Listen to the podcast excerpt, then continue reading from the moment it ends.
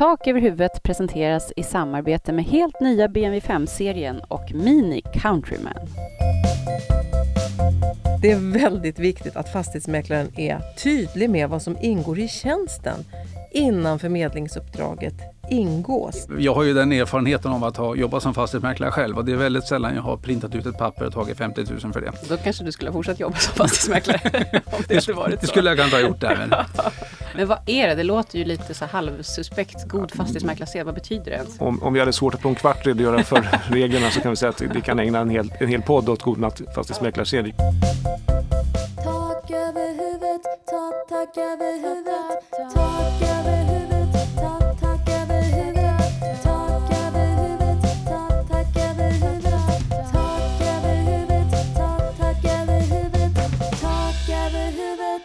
Hej och välkomna till det andra specialavsnittet av två av Mäklarsamfundets bostadspodd Tak över huvudet.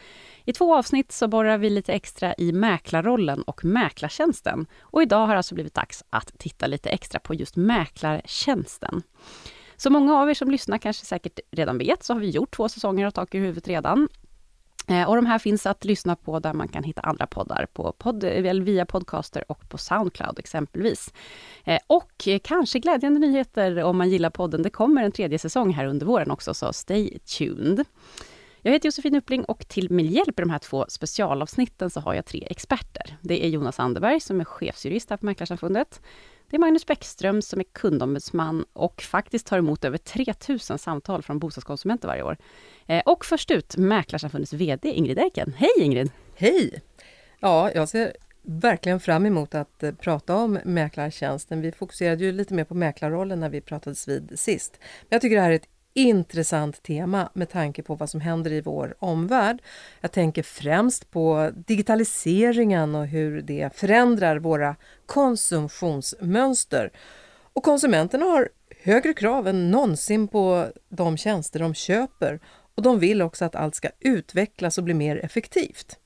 Här tror jag att det kommer att hända väldigt mycket, snabbt, de kommande åren. Och det gäller för fastighetsmäklare och andra branscher också för den delen, att hänga med här. Ja, det håller jag verkligen med om. Eh, tänker du på något särskilt eller? Alltså, framförallt så tänker jag på hur ny teknik utvecklar tjänster och konsumenters behov av tjänster.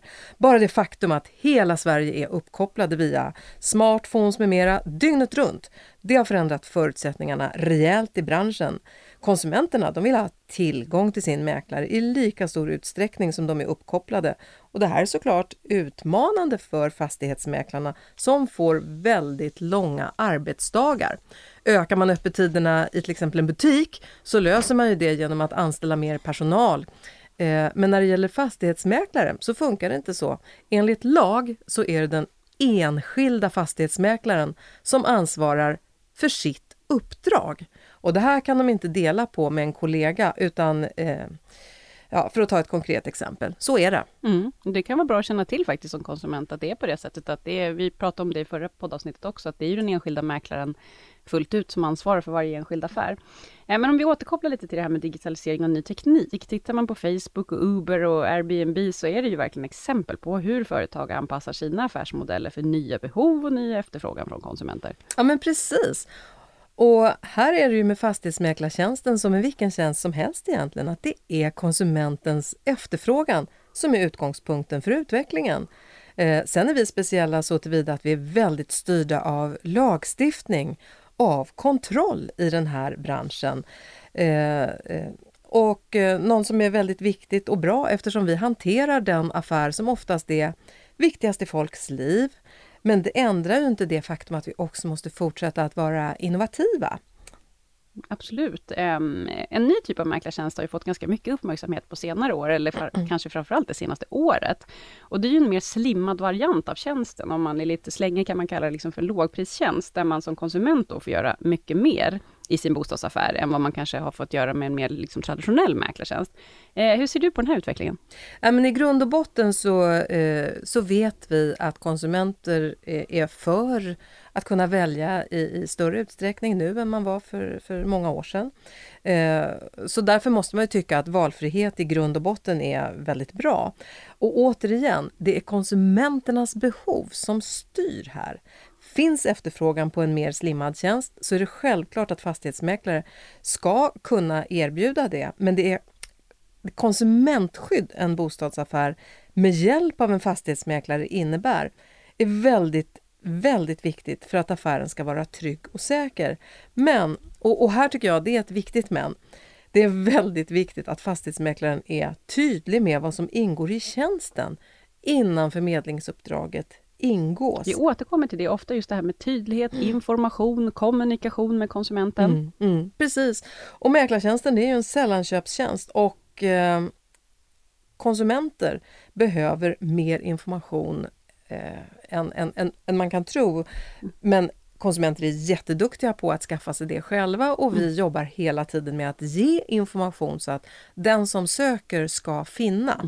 Mm. Eh, eh men kommer säljaren att eh, få betala oavsett om det blir en bra affär eller inte till exempel? Håller mäklaren i visningen? Hjälper fastighetsmäklaren till vid kontraktsdagen? Alla såna här detaljer är viktigt för konsumenten att veta i förväg så att man får en riktig förväntansbild på vad som ingår i affären eh, alltså affären med fastighetsmäklaren. Mm, mm, mm. För det är, då man blir slö, det är då man blir nöjd i slutändan.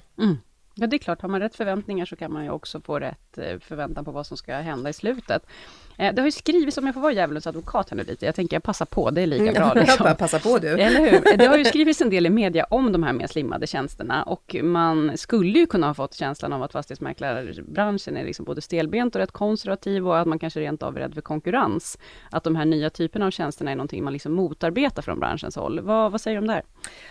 Till, att börja med så tycker jag att jag kan förstå om man får det intrycket. Men jag skulle verkligen vilja slå hål på den föreställningen. Branschen är lyhörd. Eh, det är en väldigt enkel logik. Lyckas du inte svara upp mot konsumenternas högt ställda krav eh, så påverkar det också ens möjligheter att göra affärer eh, på sikt. Erbjuder man bara vissa delar, ett urval av det som lagen har reglerat ingår i mäklartjänsten så har vi från Mäklarsamfundet tyckt att då är det jätteviktigt för de företag som, som jobbar på det sättet att också vara väldigt tydliga mot konsument och att man marknadsför det man säljer och ingenting annat. För det här handlar ju om hela branschens anseende på sikt. Oavsett om du jobbar med Eh, fullservicepaket eller med en nedbantad tjänst. Och vissa saker måste dock ingå i tjänsten och eh, kan inte eh, förhandlas bort eller bantas bort och så vidare. Men det kommer Magnus och Jonas att prata mer om alldeles strax. Men jag skulle också vilja säga att vi som bransch vi är ju faktiskt föredöme för andra branscher eh, genom att vi är just en kontrollerad bransch som har eh, eh, lagstiftning och styrning så att ur ett konsumenttrygghetsperspektiv så är det på många sätt också en garant. Men man ska handskas väl med det. Mm. Stort tack Ingrid! Nu ska vi alltså prata vidare eh, om vad som faktiskt ingår i mäklartjänsten. Vad kan jag förvänta mig som konsument och vad betalar jag för egentligen? Mm, tackar! Magnus Bäckström, kundombudsman på Mäklarsamfundet. Välkommen till poddstudion. Mm, tackar, tackar. Du, vi ska fortsätta här i specialavsnitten av Tak över huvudet och eh, vi pratar ju specifikt om mäklartjänsten i det här avsnittet. Och det här är ju något som du får väldigt mycket frågor om, eller hur? Mm, det stämmer. Eh, och fler frågor vill jag ha.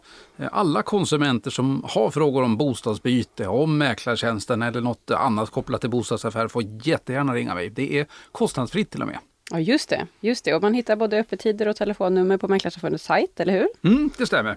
En liten passus där, det, det kan vara lite svårt att få tag i mig. Det är ju ett hårt tryck på den här telefonen ibland. Men lämnar man eh, telefonnummer då kommer jag att ringa upp de allra flesta under samma dag faktiskt. där. Ja just det, det är en otrolig service som ja, vi har här till konsumenterna. Och en liten ytterligare heads-up kan ju vara att medan man väntar då på att få komma fram till dig så kan man med fördel kolla på vårt webb-tv-program Konsumentkollen. Mm.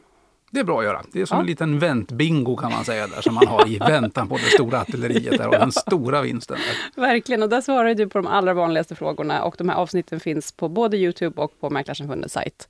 Det stämmer. Konsumentkollen heter programmet. Mm. Yes, toppen. Med det sagt, eh, hur ska man tänka när man ska välja vilken mäklartjänst man ska köpa som konsument? För här finns det ju lite olika varianter, eller hur? Ja, det gör ju det. Eh, Sverige är ju ett avlångt land och det finns många mäklare, det finns många olika typer av bostäder och det är också många olika situationer situationer som gör att eh, man väljer att sälja sin bostad. Mm. Ehm, Det jag tycker är glädjande är att det finns många olika typer av mäklartjänster. Vi ska titta lite grann på, på några av dem där och hur man ska tänka där. Då. Jag tycker så här, anledningen till varför man ska sälja kan ju vara att man har träffat någon annan som man vill flytta ihop med. Eh, Det kan vara så att man flyttar på grund av jobb på annan ort eller att man väntar tillökning. Eh, Det kan vara så att det har skett ett eh, frånfälle i familjen på grund av dödsfall eller att man ska separera. Och det här kan ju då faktiskt vara eh, anledningen till, till varför man ska, ska flytta på sig. Mm. Så det kan man börja med att fundera på egentligen. Varför ska jag sälja? Ja, Mm, det är en bra utgångspunkt för att veta vad man ska ha. Det. Ehm, finns det några sammanfattande råd eller frågor utöver de här liksom, anledningarna till att man ska sälja som man ska ställa till sig själv då, som konsument innan man sätter igång? Mm. Jag tycker man ska titta på tre saker. Det ena är, eh, vem är du som ska sälja? Eh, vad har du för erfarenhet av att, att sälja tidigare? Och, eh, eh, är du en sån person och i den här situationen du hamnar i, där du känner dig trygg med att eh, kanske göra en del av, av eh, det här försäljningsarbetet själv? Till exempel att eh, hålla i visningen. Eller känner du att eh, anledningen till försäljningen är mm, till exempel på grund av dödsfall eller, eller skilsmässa, att det, det känns inte bra att stå här och visa sin drömbostad för någon annan nu som ska ta över den här. Nej, verkligen inte. Särskilt tänker jag om det är någon skilsmässa. Ja, Mm. så kul. Ja, precis. Vi var jätteglada här i huset. Ja, Hoppas det blir lika kul för er. Precis. Och det kan vara sådana saker som givetvis styr vilken, vilken typ av mäklartjänst man, man ska Ja. ta där. Då. Eh, vad det är för objekt och vart det ligger kan faktiskt också spela eh, stor roll. Eh, det finns ju många olika typer av bostäder. Jag tänker mig att om man har en, en speciell typ av bostad, exempelvis jord, skogsbruk eller, eller gård, eh, kanske man ska ha en mäklare som är inriktad på de bitarna. Eh, har man en, en etta i en storstad kanske man ska ha en, en mäklare som jobbar eh, lokalt där om man, man känner för det. Mm. Så att eh, alla fastighetsmäklare har ju olika tjänster som de erbjuder som kanske passar bra eller, eller mindre bra för den typ av objekt man har där. Mm. Också vart i landet det här ligger. Det kan ju vara så att eh, jag ska sälja ett fritidshus eh, och jag bor 100 mil därifrån. Då kan det vara svårt att kanske visa det här huset själv. Eh, Om jag inte tycker väldigt mycket om att resa eh, titt som tätt dit. Och då kan det vara mer lämpligt att ta en, en eh, fastighetsmäklartjänst där, där det finns en mäklare på, på plats i, i närheten där uppe. Eller nere. Mm. Eh, tredje, eh, det är lite grann vad har du som, som uppdragsgivare eller säljare för förväntningar och krav på mäklaren och mäklartjänsten? Och det tycker jag man ska vara noga med att titta igenom faktiskt. Mm. Och det har vi pratat om tidigare i det här avsnittet. Jag tror Ingrid nämner inledningsvis också att på något sätt så styr förväntningarna också hur pass nöjd man blir, känner man är klar. Att, Mm. man, att de här rimmar på något sätt, att man har en bra dialog med mäklaren från början, så man är väldigt klar med vad som faktiskt kommer ingå i just den här tjänsten som jag köper. Stämmer, precis. Eh, vi ska prata lite sen med vår chefsjurist Jonas Anderberg här om just innehållet i mäklartjänsten och hur det kan komma sig att det kan skilja och liksom, om det finns några så grundbultar som alltid eh, måste finnas med i tjänsten. Mm. Eh, Så det blir mer om det om en stund. Eh, Men som sagt, tre stycken råd till att börja med. Då. Vem är du som ska sälja, var och vart och vad har du förväntningar och krav på mäklartjänsten? Mm. Vilka är de allra vanligaste frågorna skulle du säga som du får från konsumenter om själva mäklartjänsten? Du pratar ju med 3000 pers ungefär per år, Mm. så att här borde ju gå ut kristallisera vad man undrar. Liksom. Det stämmer absolut. Eh, vanligaste frågorna jag får om just mäklartjänsten det är att man eh, saknar innehåll i det. Man har valt en mäklartjänst som visade sig vara alldeles för, för slimmad för, för vad man hade tänkt sig. Man trodde Mm. att eh, ännu fler moment skulle ingå. Mm. Och det är framförallt när, när försäljningen inte riktigt går som man har tänkt sig. Mm. Då tycker man att fastighetsmäklaren eh, borde ha drivit den här affären mycket, mycket eh, hårdare med, med ännu större marknadsföring och eh, hjälpt eh, säljaren vidare i, i det här skedet man Just det, och kruxet kan då vara bara det att det hade man inte liksom avtalat om från början, att Nej, det skulle precis. ingå. Och det, det är en liten, litet medskick faktiskt. Där. där ska man kolla vad som verkligen ingår och eh, om det rimmar ihop med den förväntan man har på den här mäklartjänsten. Då. Motsatsvis, eh, den här, eh, om vi kallar det för all inclusive-tjänsten egentligen, där då, eh, som eh, har ett ganska digert innehåll. Mm. Eh, där kan det bli eh, omvänd effekt faktiskt där, när mäklaren i slutskedet uppvisar journalen Mm. som då visar alla delar, alla moment som fastighetsmäklaren har varit delaktig i under Mm. den här förmedlingsprocessen. Och då är det många mm, säljare som, som upplever, oj, är allt det här gjort i, i den här affären? där? Mm. Eh, Och det är en positiv eh, upplevelse faktiskt i slutändan. Och det är ju faktiskt ett bra, en bra information och ett bra medskick, för att ibland hör man ju den här lite slängiga surheten där man tycker att man betalar ett ganska högt arvode, tycker man till mäklaren, och så säger man lite elakt att ja, han printade ut ett papper och så tog de 50 000. Mm men det, finns, det är ganska ofta det inte stämmer, om vi säger så. Det är väldigt ofta det inte stämmer. Och jag har ju den erfarenheten av att ha jobbat som fastighetsmäklare Ja. själv och det är väldigt sällan jag har printat ut ett papper och tagit 50 000 för det. Då kanske du skulle ha fortsatt jobba som fastighetsmäklare, om det hade varit Det skulle jag kanske ha gjort där. Men, men som sagt, det är ett, ett eh, stort ansvar och ett Ja. digert arbete som ligger bakom eh, Ja. de allra flesta affärerna faktiskt. Där. Ja, absolut. Hur ska, om vi ska göra ett medskick till om man är fastighetsmäklare och lyssnar på det här. Vi pratar ju egentligen både med konsumenter i den här podden och med våra medlemmar, fastighetsmäklarna. Eh, har du några medskick där? Vad ska man tänka på som fastighetsmäklare för att undvika att man inte har en konsument som är nöjd i slutändan, som inte har förstått vad tjänsten innehöll? Ja, man kan aldrig vara nog tydlig i att berätta vad, vad tjänsten innehåller. Eh, och det, det skickar jag med faktiskt. Där. Mm. Eh, är man tydlig från början, redan innan man, man ingår det här uppdraget, då eh, minimerar man risken för att det ska bli tvistigheter om det i, i slutändan. Där. Stort tack Magnus Bäckström, du är kundombudsman på Mäklarsamfundet och har man fler frågor om det här så går det alldeles utmärkt bra att ringa till dig. Mer än gärna. Tusen tack! Tack! Hörrni, betryggande nog så har vi Mäklarsamfundets chefsjurist Jonas Anderberg med oss även i den här andra delen av våra två specialpoddar om mäklarrollen och mäklartjänsten. Välkommen tillbaka Jonas! Ja, tack för det, det är roligt att vara med. Ja, i förra avsnittet så var ju du noga med att påtala att det inte är, helt klar, alltså att det, man ska tänka på att det går liksom inte att få med allt om mäklarrollen och mäklartjänsten på en kvart i en podd och det är klart att det stämmer. Ehm, men var ska man vända sig om man har frågor efter att man har lyssnat på den här podden? Ja, är det så att man behöver ytterligare råd och information så är det fantastiskt möjligt att ringa till Mäklarsamfundets kundombudsman som är våran röst i det här sammanhanget dit man kan vända sig och få råd om, om mäklartjänsten och alla andra frågor kring bostadsaffären. Ja, men. Mäklarsamfundets jurister däremot tar inte emot konsumentsamtal utan vi hjälper våra mäklare med, med rådgivning och biträde i olika sammanhang. Ja, men det är bra att komma ihåg. Juristerna är till för medlemmarna, alltså fastighetsmäklarna och kundombudsmannen är för allmänheten. Yes. Och när det gäller våra medlemmar så ska vi komma ihåg att vi har utökat vår kostnadsfria rådgivning till 10 minuter numera från första Ja. januari. Mm. Det är mycket, väldigt bra medlemskap här i Mäklarsamfundet, med på säga själv faktiskt. Eh, Okej, bra info. Eh, nu ska vi alltså prata vidare om mäklartjänsten, denna sällanköpstjänst som många har frågor om. Var ska vi börja tycker du? Jag tycker vi kan börja med att, att, att konstatera att när det gäller fastighetsmäklarlagen som reglerar mäklartjänsten eh, övergripande så är det ju en konsumentskyddslagstiftning och den har eh, när det gäller relationen till konsumenten en tvingande karaktär. Det innebär alltså att de flesta reglerna som, som finns när det gäller förhållande till konsument kan man inte avtala bort. Man kan inte avtala till sämre för konsumenten. Om man gjort det så är den överenskommelsen inte giltig. Lagen omfattar visserligen också relationer till andra, alltså näringsidkare, men, det lämnar vi därhen idag tycker jag, utan koncentrera på relationen till en konsument, en köpare och säljare som själv köper privat. Så att säga. Just det. Så konsumentskyddande lagstiftning, det är faktiskt bra att komma ihåg. Ibland kan man ju läsa i tidningarna att det känns som att hela vår bransch, fastighetsmäklarbranschen, skulle vara någon sorts High Chaparral. Men det är nästan tvärtom faktiskt. Så är det definitivt inte. Nej. Det finns ett helt, ett helt batteri med skyldigheter som mäklarna har att iaktta. Och även regler kring penningtvätt som mäklarna har skyldighet att iaktta som vi kommer kort beröra i samband med vi går igenom de här reglerna. Mm. lite övergripande. Ja, och det, jag tycker det känns ganska så tryggt. Det här är ju den största affären som de flesta människor gör. Att det finns ett rigoröst regelverk och lagstiftning här känns ju väldigt bra Ja. faktiskt. Så är det ju. Och vi kan börja i den änden att prata om lite grann om god fastighetsmäklarsed. Ja, det är, bra, en, det är en övergripande generell, kan säga, en generalklausul som, som generellt. Mäklaren ska vara, vara omsorgsfull i sitt arbete och iaktta, allt iaktta god fastighetsmäklarsed.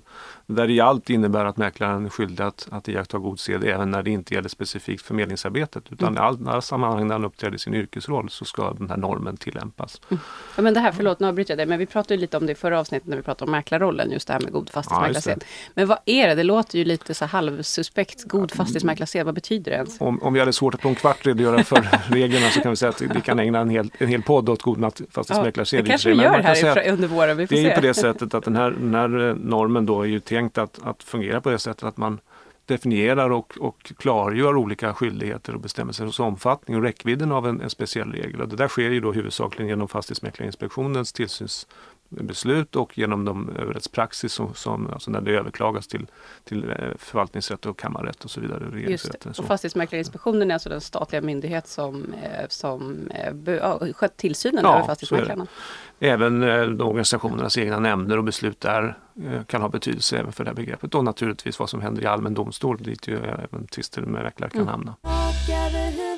Ska vi eh, ta oss vidare till de här olika momenten Ja. som man är skyldig att eh, iaktta som Jag mäklare? kan säga att e- eftersom vi då har ett regelverk som innehåller ett antal skyldigheter så, så kan vi beta oss igenom lite övergripande. Vi kan naturligtvis inte gå in i, i djupa detaljer på varje moment men, men man börjar naturligtvis inledningsvis med en första eh, kontakt med mäklaren och det kan vi kalla för intaget i mäklarsammanhang. Ja. Mäklaren åker ut till fastighetsägaren och besöker fastigheten. Mm, det är ett kundmöte egentligen Ja, och vi kallar det på branschspråk för intag. Många gånger börjar också relationen med att mäklaren erbjuder en kostnadsfri värdering, kommer ut och gör en, en marknadsbedömning av, av objektet. Eh, Däremot så är är det en vanlig missuppfattning att mäklaren i det sammanhanget gör en grundläggande undersökning av fastigheten. Det ingår inte i mäklaruppdraget att ha en undersökningsplikt utan det är säljaren och köparen som ska ta ansvar för fastighetens skick. Köparen har undersökningsplikten och säljaren information eller upplysningsplikten. Mm, det är bra, vi påminner om det, det pratade vi också om när vi pratade om mäklarrollen, men att det faktiskt alltid är tre parter här. Ja. Där säljaren har sin del av ansvaret, köparen har sin del av ansvaret och mäklaren är den som håller ihop alltihop. Mm. Och i det här intagsbesöket då, det, det, vi har i våra stadgar ansett att det bör ankomma på mäklaren personligen att göra detta. Mm. Det finns då praxis som visar att, att Fastighetsmäklarinspektionen har bedömt att det är tillräckligt att en, en anlitad syssleman gör det här i mäklarens ställe. Och Mm. Det har också fastställts i kammarrätten. Så säga, där har vi exempel på god fastighetsmäklarsed som då har definierat vad som krävs i det här avseendet. När Mäklarsamfundet, oss, våra medlemmar anser att man ska besöka objektet. Mm. Ja, En del av det här är ju också att det här första besöket är en del av det relationsbyggande momentet som är viktigt för fastighetsmäklaren i relation till sin uppdragsgivare, anser vi. Yes. Och sen i, ansl- i omedelbar anslutning till det här så ingår man ju då förmedlingsuppdraget. Och innan man gör det så måste man då också ha gjort en, en, en så kallad kundkännedomskontroll av, av uppdragsgivaren innefattande ID-kontroll bland annat. Vi ska inte gå in i detalj på penningtvättslagens regler men, men det är ett förutsättning. För det kan också bli en egen ja, podd. absolut. Men det är någonting som måste ske innan man ingår förmedlingsuppdraget. Då. Ja. ID-kontroll, är ju superviktigt så att man vet att den här personen faktiskt har mandat att sälja Så är bostaden. det. Ja. Och det finns ju en massa, massa olika regler som ska iakttas i anslutning till det. Om man får Ja. då misstanke om att det inte rätt, står rätt till i alla delar så kan man behöva agera på visst sätt. Men, men Mm. som sagt, det, det får vi ta en annan gång. Ja. Och det här uppdraget då, det ska vara skriftligt. Eh, och där gäller då utgångspunkten att om någonting skulle överenskommas muntligt så kan inte mäklaren åberopa det. Så att skriftlighetskravet innebär visserligen inte att avtalet är ogiltigt om det inte är skriftligt. Men mäklaren kan bara åberopa det som man har kommit överens om skriftligt. Och där har man ju då överenskommelser om, om provision och eventuella andra villkor och överenskommelser om marknadsföring och liknande Mm. som, som är viktiga att, att Så det är ju själva förmedlingsuppdraget man verkligen ska försöka punkta ner det som vi pratade med Magnus om tidigare, den här förväntansbilden. Ja, och sen finns det ett antal regler kring vad man är skyldig att informera om inför uppdraget. Det finns regler i, i andra lagstiftningar som man också måste informera om, om hur professionen fungerar och vad som gäller i olika sammanhang. Mm. Så det finns en hel del informationsmaterial som, som är bilagor till uppdragsavtalet Ja. också. Just. Bra. Sen har mäklaren en, en eh, definierad rådgivnings och upplysningsskyldighet. Han ska ge tilltänkta köpare, när man säger tilltänkta köpare så menar man med det spekulanter, Mm. eh, råd och upplysningar som- som de kan behöva om fastigheten och när man säger fastigheten så menar man alla de objekt som lagen omfattar. Mm.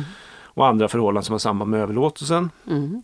Han ska i förväg upplysa eh, spekulanten, tilltänkte köparen om hur säljaren avser att genomföra affären. Det kan Mm. vara viktigt att veta hur, hur kommer det gå vidare? Hur kommer, Mm. mäklarna, eller hur kommer försäljningen att gå till? Mm. Och det är då mäklaren skyldig att informera om.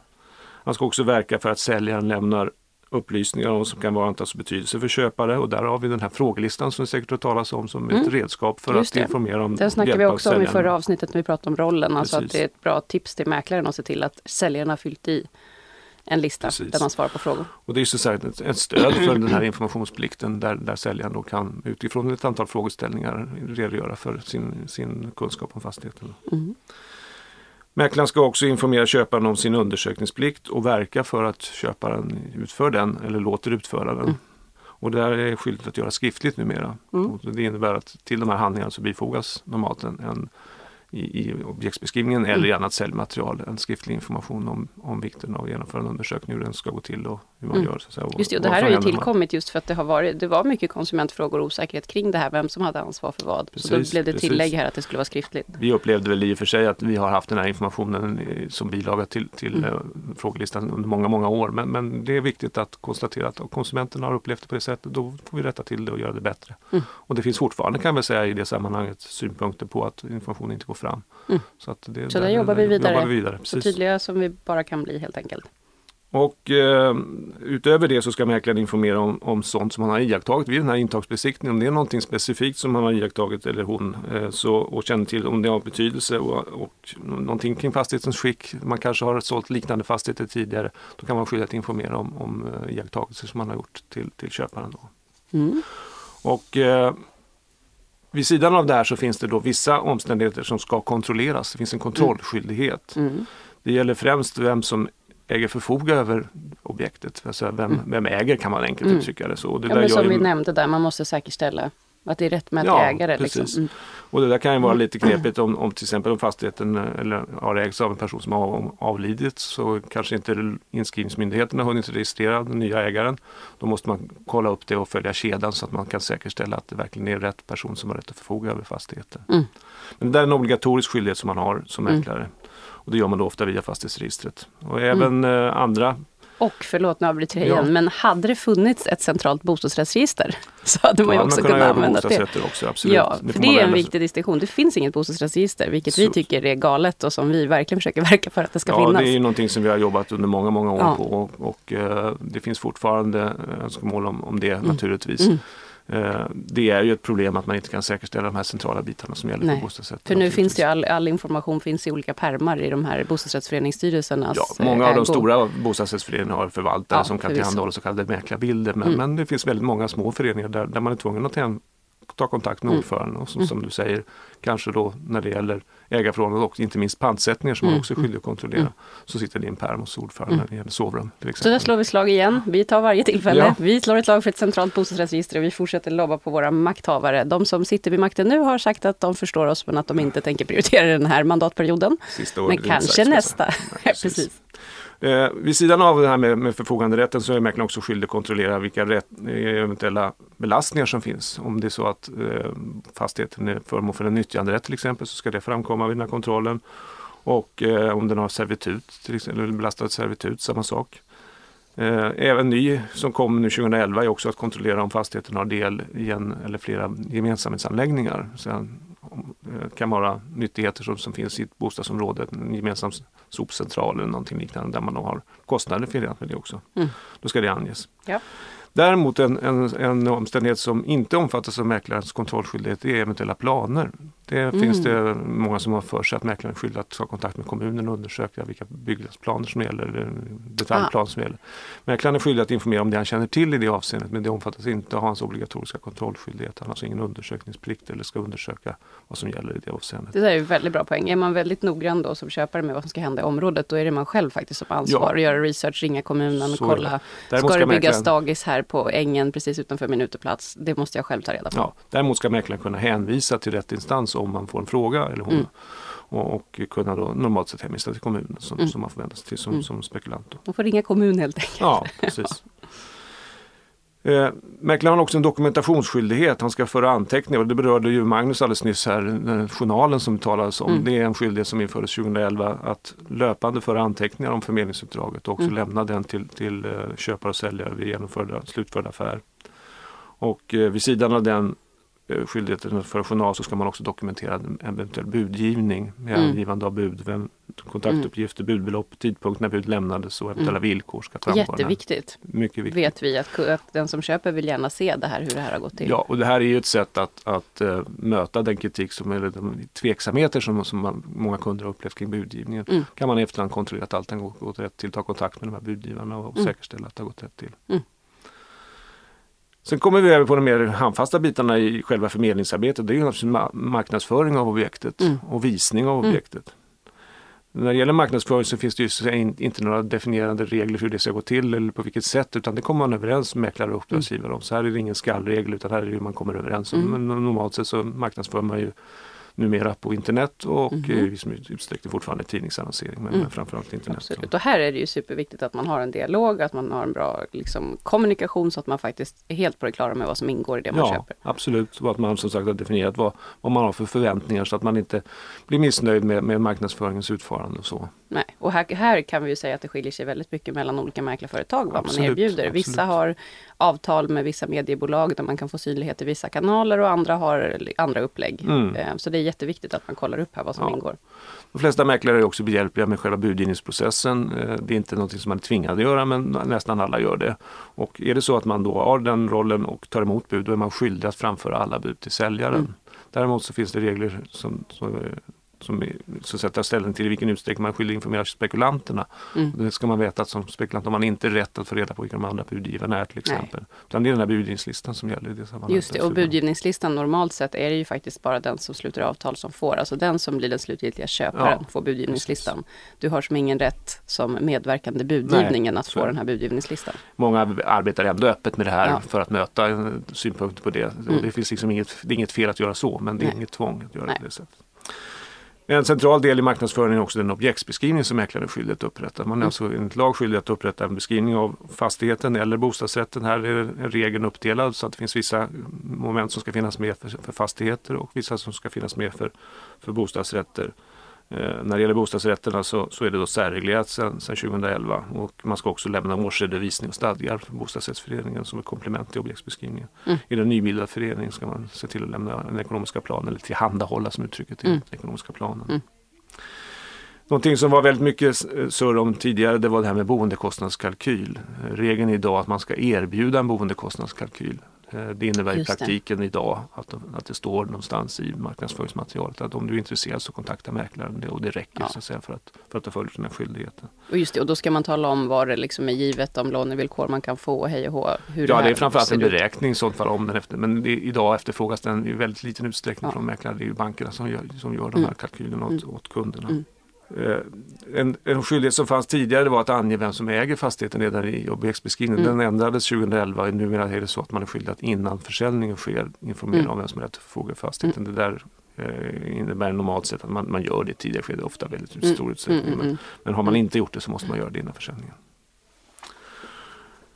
När det gäller visningen så så är det naturligtvis ett centralt moment i, i eh, mäklartjänsten. Mm. Den är inte obligatorisk att mäklaren utför i och för sig men de allra Nej. flesta efterfrågar, hur det är. Mm. Eh, Det är inte nödvändigt att mäklaren själv gör det. Vissa typer av visningar kan man använda assistent till exempel. Mm. Då brukar man tala om öppna visningar. Är det riktad visning däremot så, så anses god mäklarsed innebära att då bör mäklaren säkerställa i vart fall att uppdragsgivaren är okej med att någon Mm. annan utför det. Just det, och hur är det med sådana här för, alltså det kan, får vi också mycket frågor om konsumenter som är frustrerade i den här marknaden vi har nu där det är väldigt hårt tryck och där efterfrågan inte, eller där efterfrågan är högre än tillgång så säger folk, får man verkligen sälja före visning och alla de här förhandsvisningarna, vad gäller där? Det finns inte några bestämmelser i, i mäklarlagen som hindrar det utan det är en överenskommelse mellan uppdragsgivare och, och eh, säljare, eller förlåt, Mm. mäklare och säljare Mm. hur vill man göra det. Ja. naturligtvis mäklaren kan lämna råd om vad som är lämpligt i det här avseendet just med utgångspunkt från att han har rätt att vara säljaren nära när det gäller de ekonomiska övervägandena. Hur väljer man att göra det. försäljning? Men vill man sälja före visning så är det helt fine, Ja. inga konstigheter med det. Nej.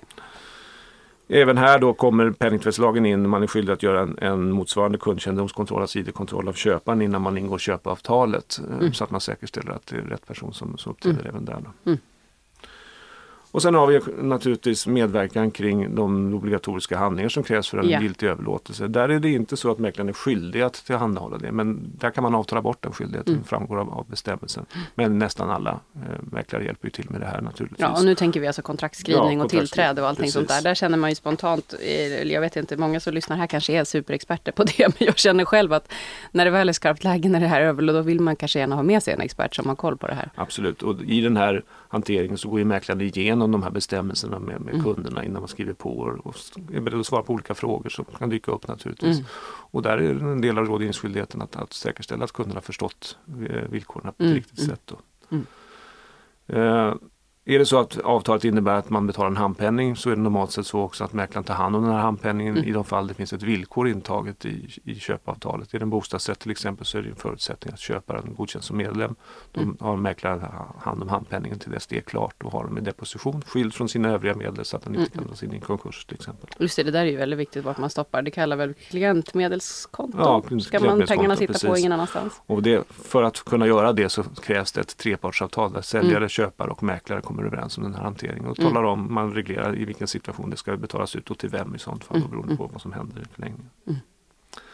Mäklaren ska också då den här anbudsförteckningen som pratar om Mm. journalen ska ju så småningom också överlämnas eh, i samband med tillträdet. En del mäklare väljer att lämna den tidigare framförallt eh, budgivningslistan. Det är vanligt Mm. att man lämnar tidigare. Och det är både säljare och köpare som ska få det här? Ja, precis. Och när väl det här är skett så, så blir det ett visst eh, efterspel om man uttrycker det så. Mm. Många gånger ska det sökas lagfart, man ska kanske mm, ha hjälp med kapitalvinstberäkningen. Där är det inte skyldigt för mäklaren. Det är inte så att det ingår i mäklartjänsten att, att vara behjälplig. Men många gör det. Oftast Mm. numera så hjälper bankerna till med lagfartsansökan faktiskt. Mm.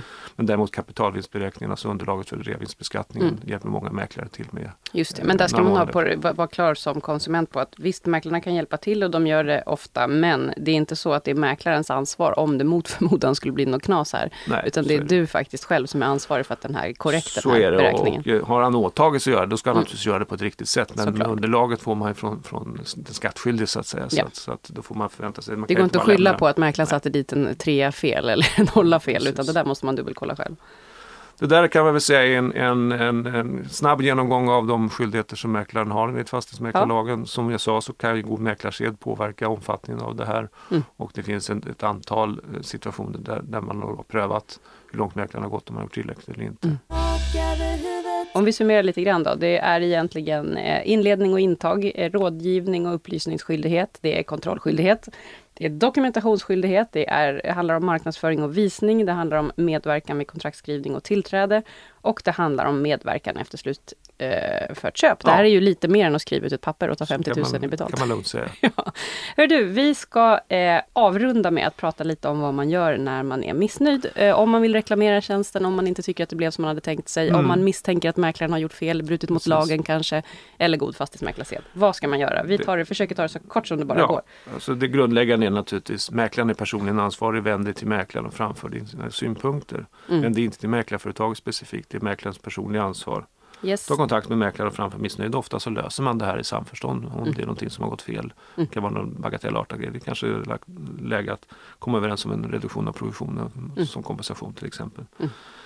Mm. Eh, vill man gå vidare i något annat avseende så kan det vara klokt att kontrollera vad mäklaren är ansluten till för organisation. Vi har ju två stora organisationer, det är Mäklarsamfundet och Fastighetsmäklarförbundet. Där kan man gå in på hemsidan och se var är man med. Är mäklaren med i Mäklarsamfundet? Vänd dig Mm. till Mäklarsamfundets kondombudsman Mhm. så får du råd. och- Och han heter Magnus Bäckström, det har vi berättat här i Precis. podden. Däremot som jag sa inledningsvis så är det inte möjligt att kontakta Mäklarsamfundets jurister i det avseendet. Vi hjälper våra mäklare, inte konsumenterna. Yes. I det här sammanhanget. Viktigt. Är det så att man anser sig ha lidit en ekonomisk skada, alltså att någonting har föranlett att man har fått en kostnad som man anser att mäklaren är skyldig att, att svara för, ja då ska man vända sig och reklamera till, mäklar, till mäklaren personligen. Det, krävs, det finns en reklamationsskyldighet så att man måste göra det eh, ganska omgående så Mm, att man inte mm. riskerar rättsförlust av det själv. Mm. Men det har vi faktiskt varit med om ju, att konsumenter hör av sig efter tio år och Ja. plötsligt ska man, då brukar man det blir svårare ju längre man väntar om Så man är säger så. Ja.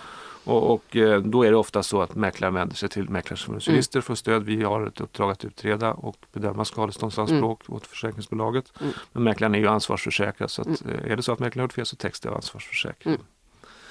Är man inte nöjd med de besked man får så finns det möjlighet att, att få det här prövat eh, utanför domstol. Man Mm. kan vända sig till Allmänna reklamationsnämnden, ARN, Mm. som prövar då skadeståndsskyldighet och, och produktionstvister mellan mäklare och konsumenter. I dagsläget, vi håller på och är snart där Mhm. att ersätta ARN med en, en branschdriven tvistlösningsnämnd. Det ser vi fram emot. Det är nya EU-direktiv som gör att branscher kan få driva sina egna tvistlösningsnämnder. Och våran kommer då att heta Fastighetsmarknadsreklamationsnämnd, FRN förkortat. Sen finns naturligtvis ytterst också möjligheten att vända sig till allmän domstol om man anser att man har blivit felaktigt behandlad eller har ett krav som man inte fått gehör för. Och eh, det är ju då risken naturligtvis att drabbas av rättegångskostnader som gör att många avstår från det. Mm. De här andra eh, prövningarna i, i ARN och, FRN de är ju kostnadsfria. Det är Mm. inte någon risk för några rättegångskostnader där. Så det är, vid, vid sidan av de här reglerna så finns ju då också som vi har nämnt några gånger under den här podden Fastighetsmäklarinspektionen som ju Mm. utövar tillsynen och kontrollerar att mäklaren sköter sina åligganden enligt fastighetsmäklarlagen och god fastighetsmäklarsed. Dit kan man vända sig. Det finns ju en hemsida som man kan gå in om man vill ha lite mer information. Man kan också ringa till, till inspektionen. Super! Känner vi oss eh, nöjda där? Det här var ju som sagt, jag tycker vi fick eh, föredömligt mycket information på kort tid. Så är det. Snabbt ska det vara. Exakt, men det finns eh, återigen väldigt mycket mer att säga om i snart sett alla punkter vi har pratat om. Så är det. Man, man kan ägna en podd åt en, en Ja. specifik del av det här om man skulle vilja det. Vi har nästan planerat hela, hela nästa säsong här nu med alla follow-ups vi kan göra. Eh, vi har pratat alltså om Mäklartjänsten idag i avsnitt två av två specialpoddar vi har gjort av Tak över huvudet och till vår hjälp hade vi Jonas Anderberg som är chefsjurist på Mäklarsamfundet. Tusen tack! Tack så hemskt mycket. Stort tack till alla er som har lyssnat. Podden produceras av Simon Linnerhed från Diggin Larry. Avsnittsbilden är gjord av Karina Vikaby. Projektledare för Tak över huvudet är Caroline Berg. Och jag, jag heter Josefin Uppling.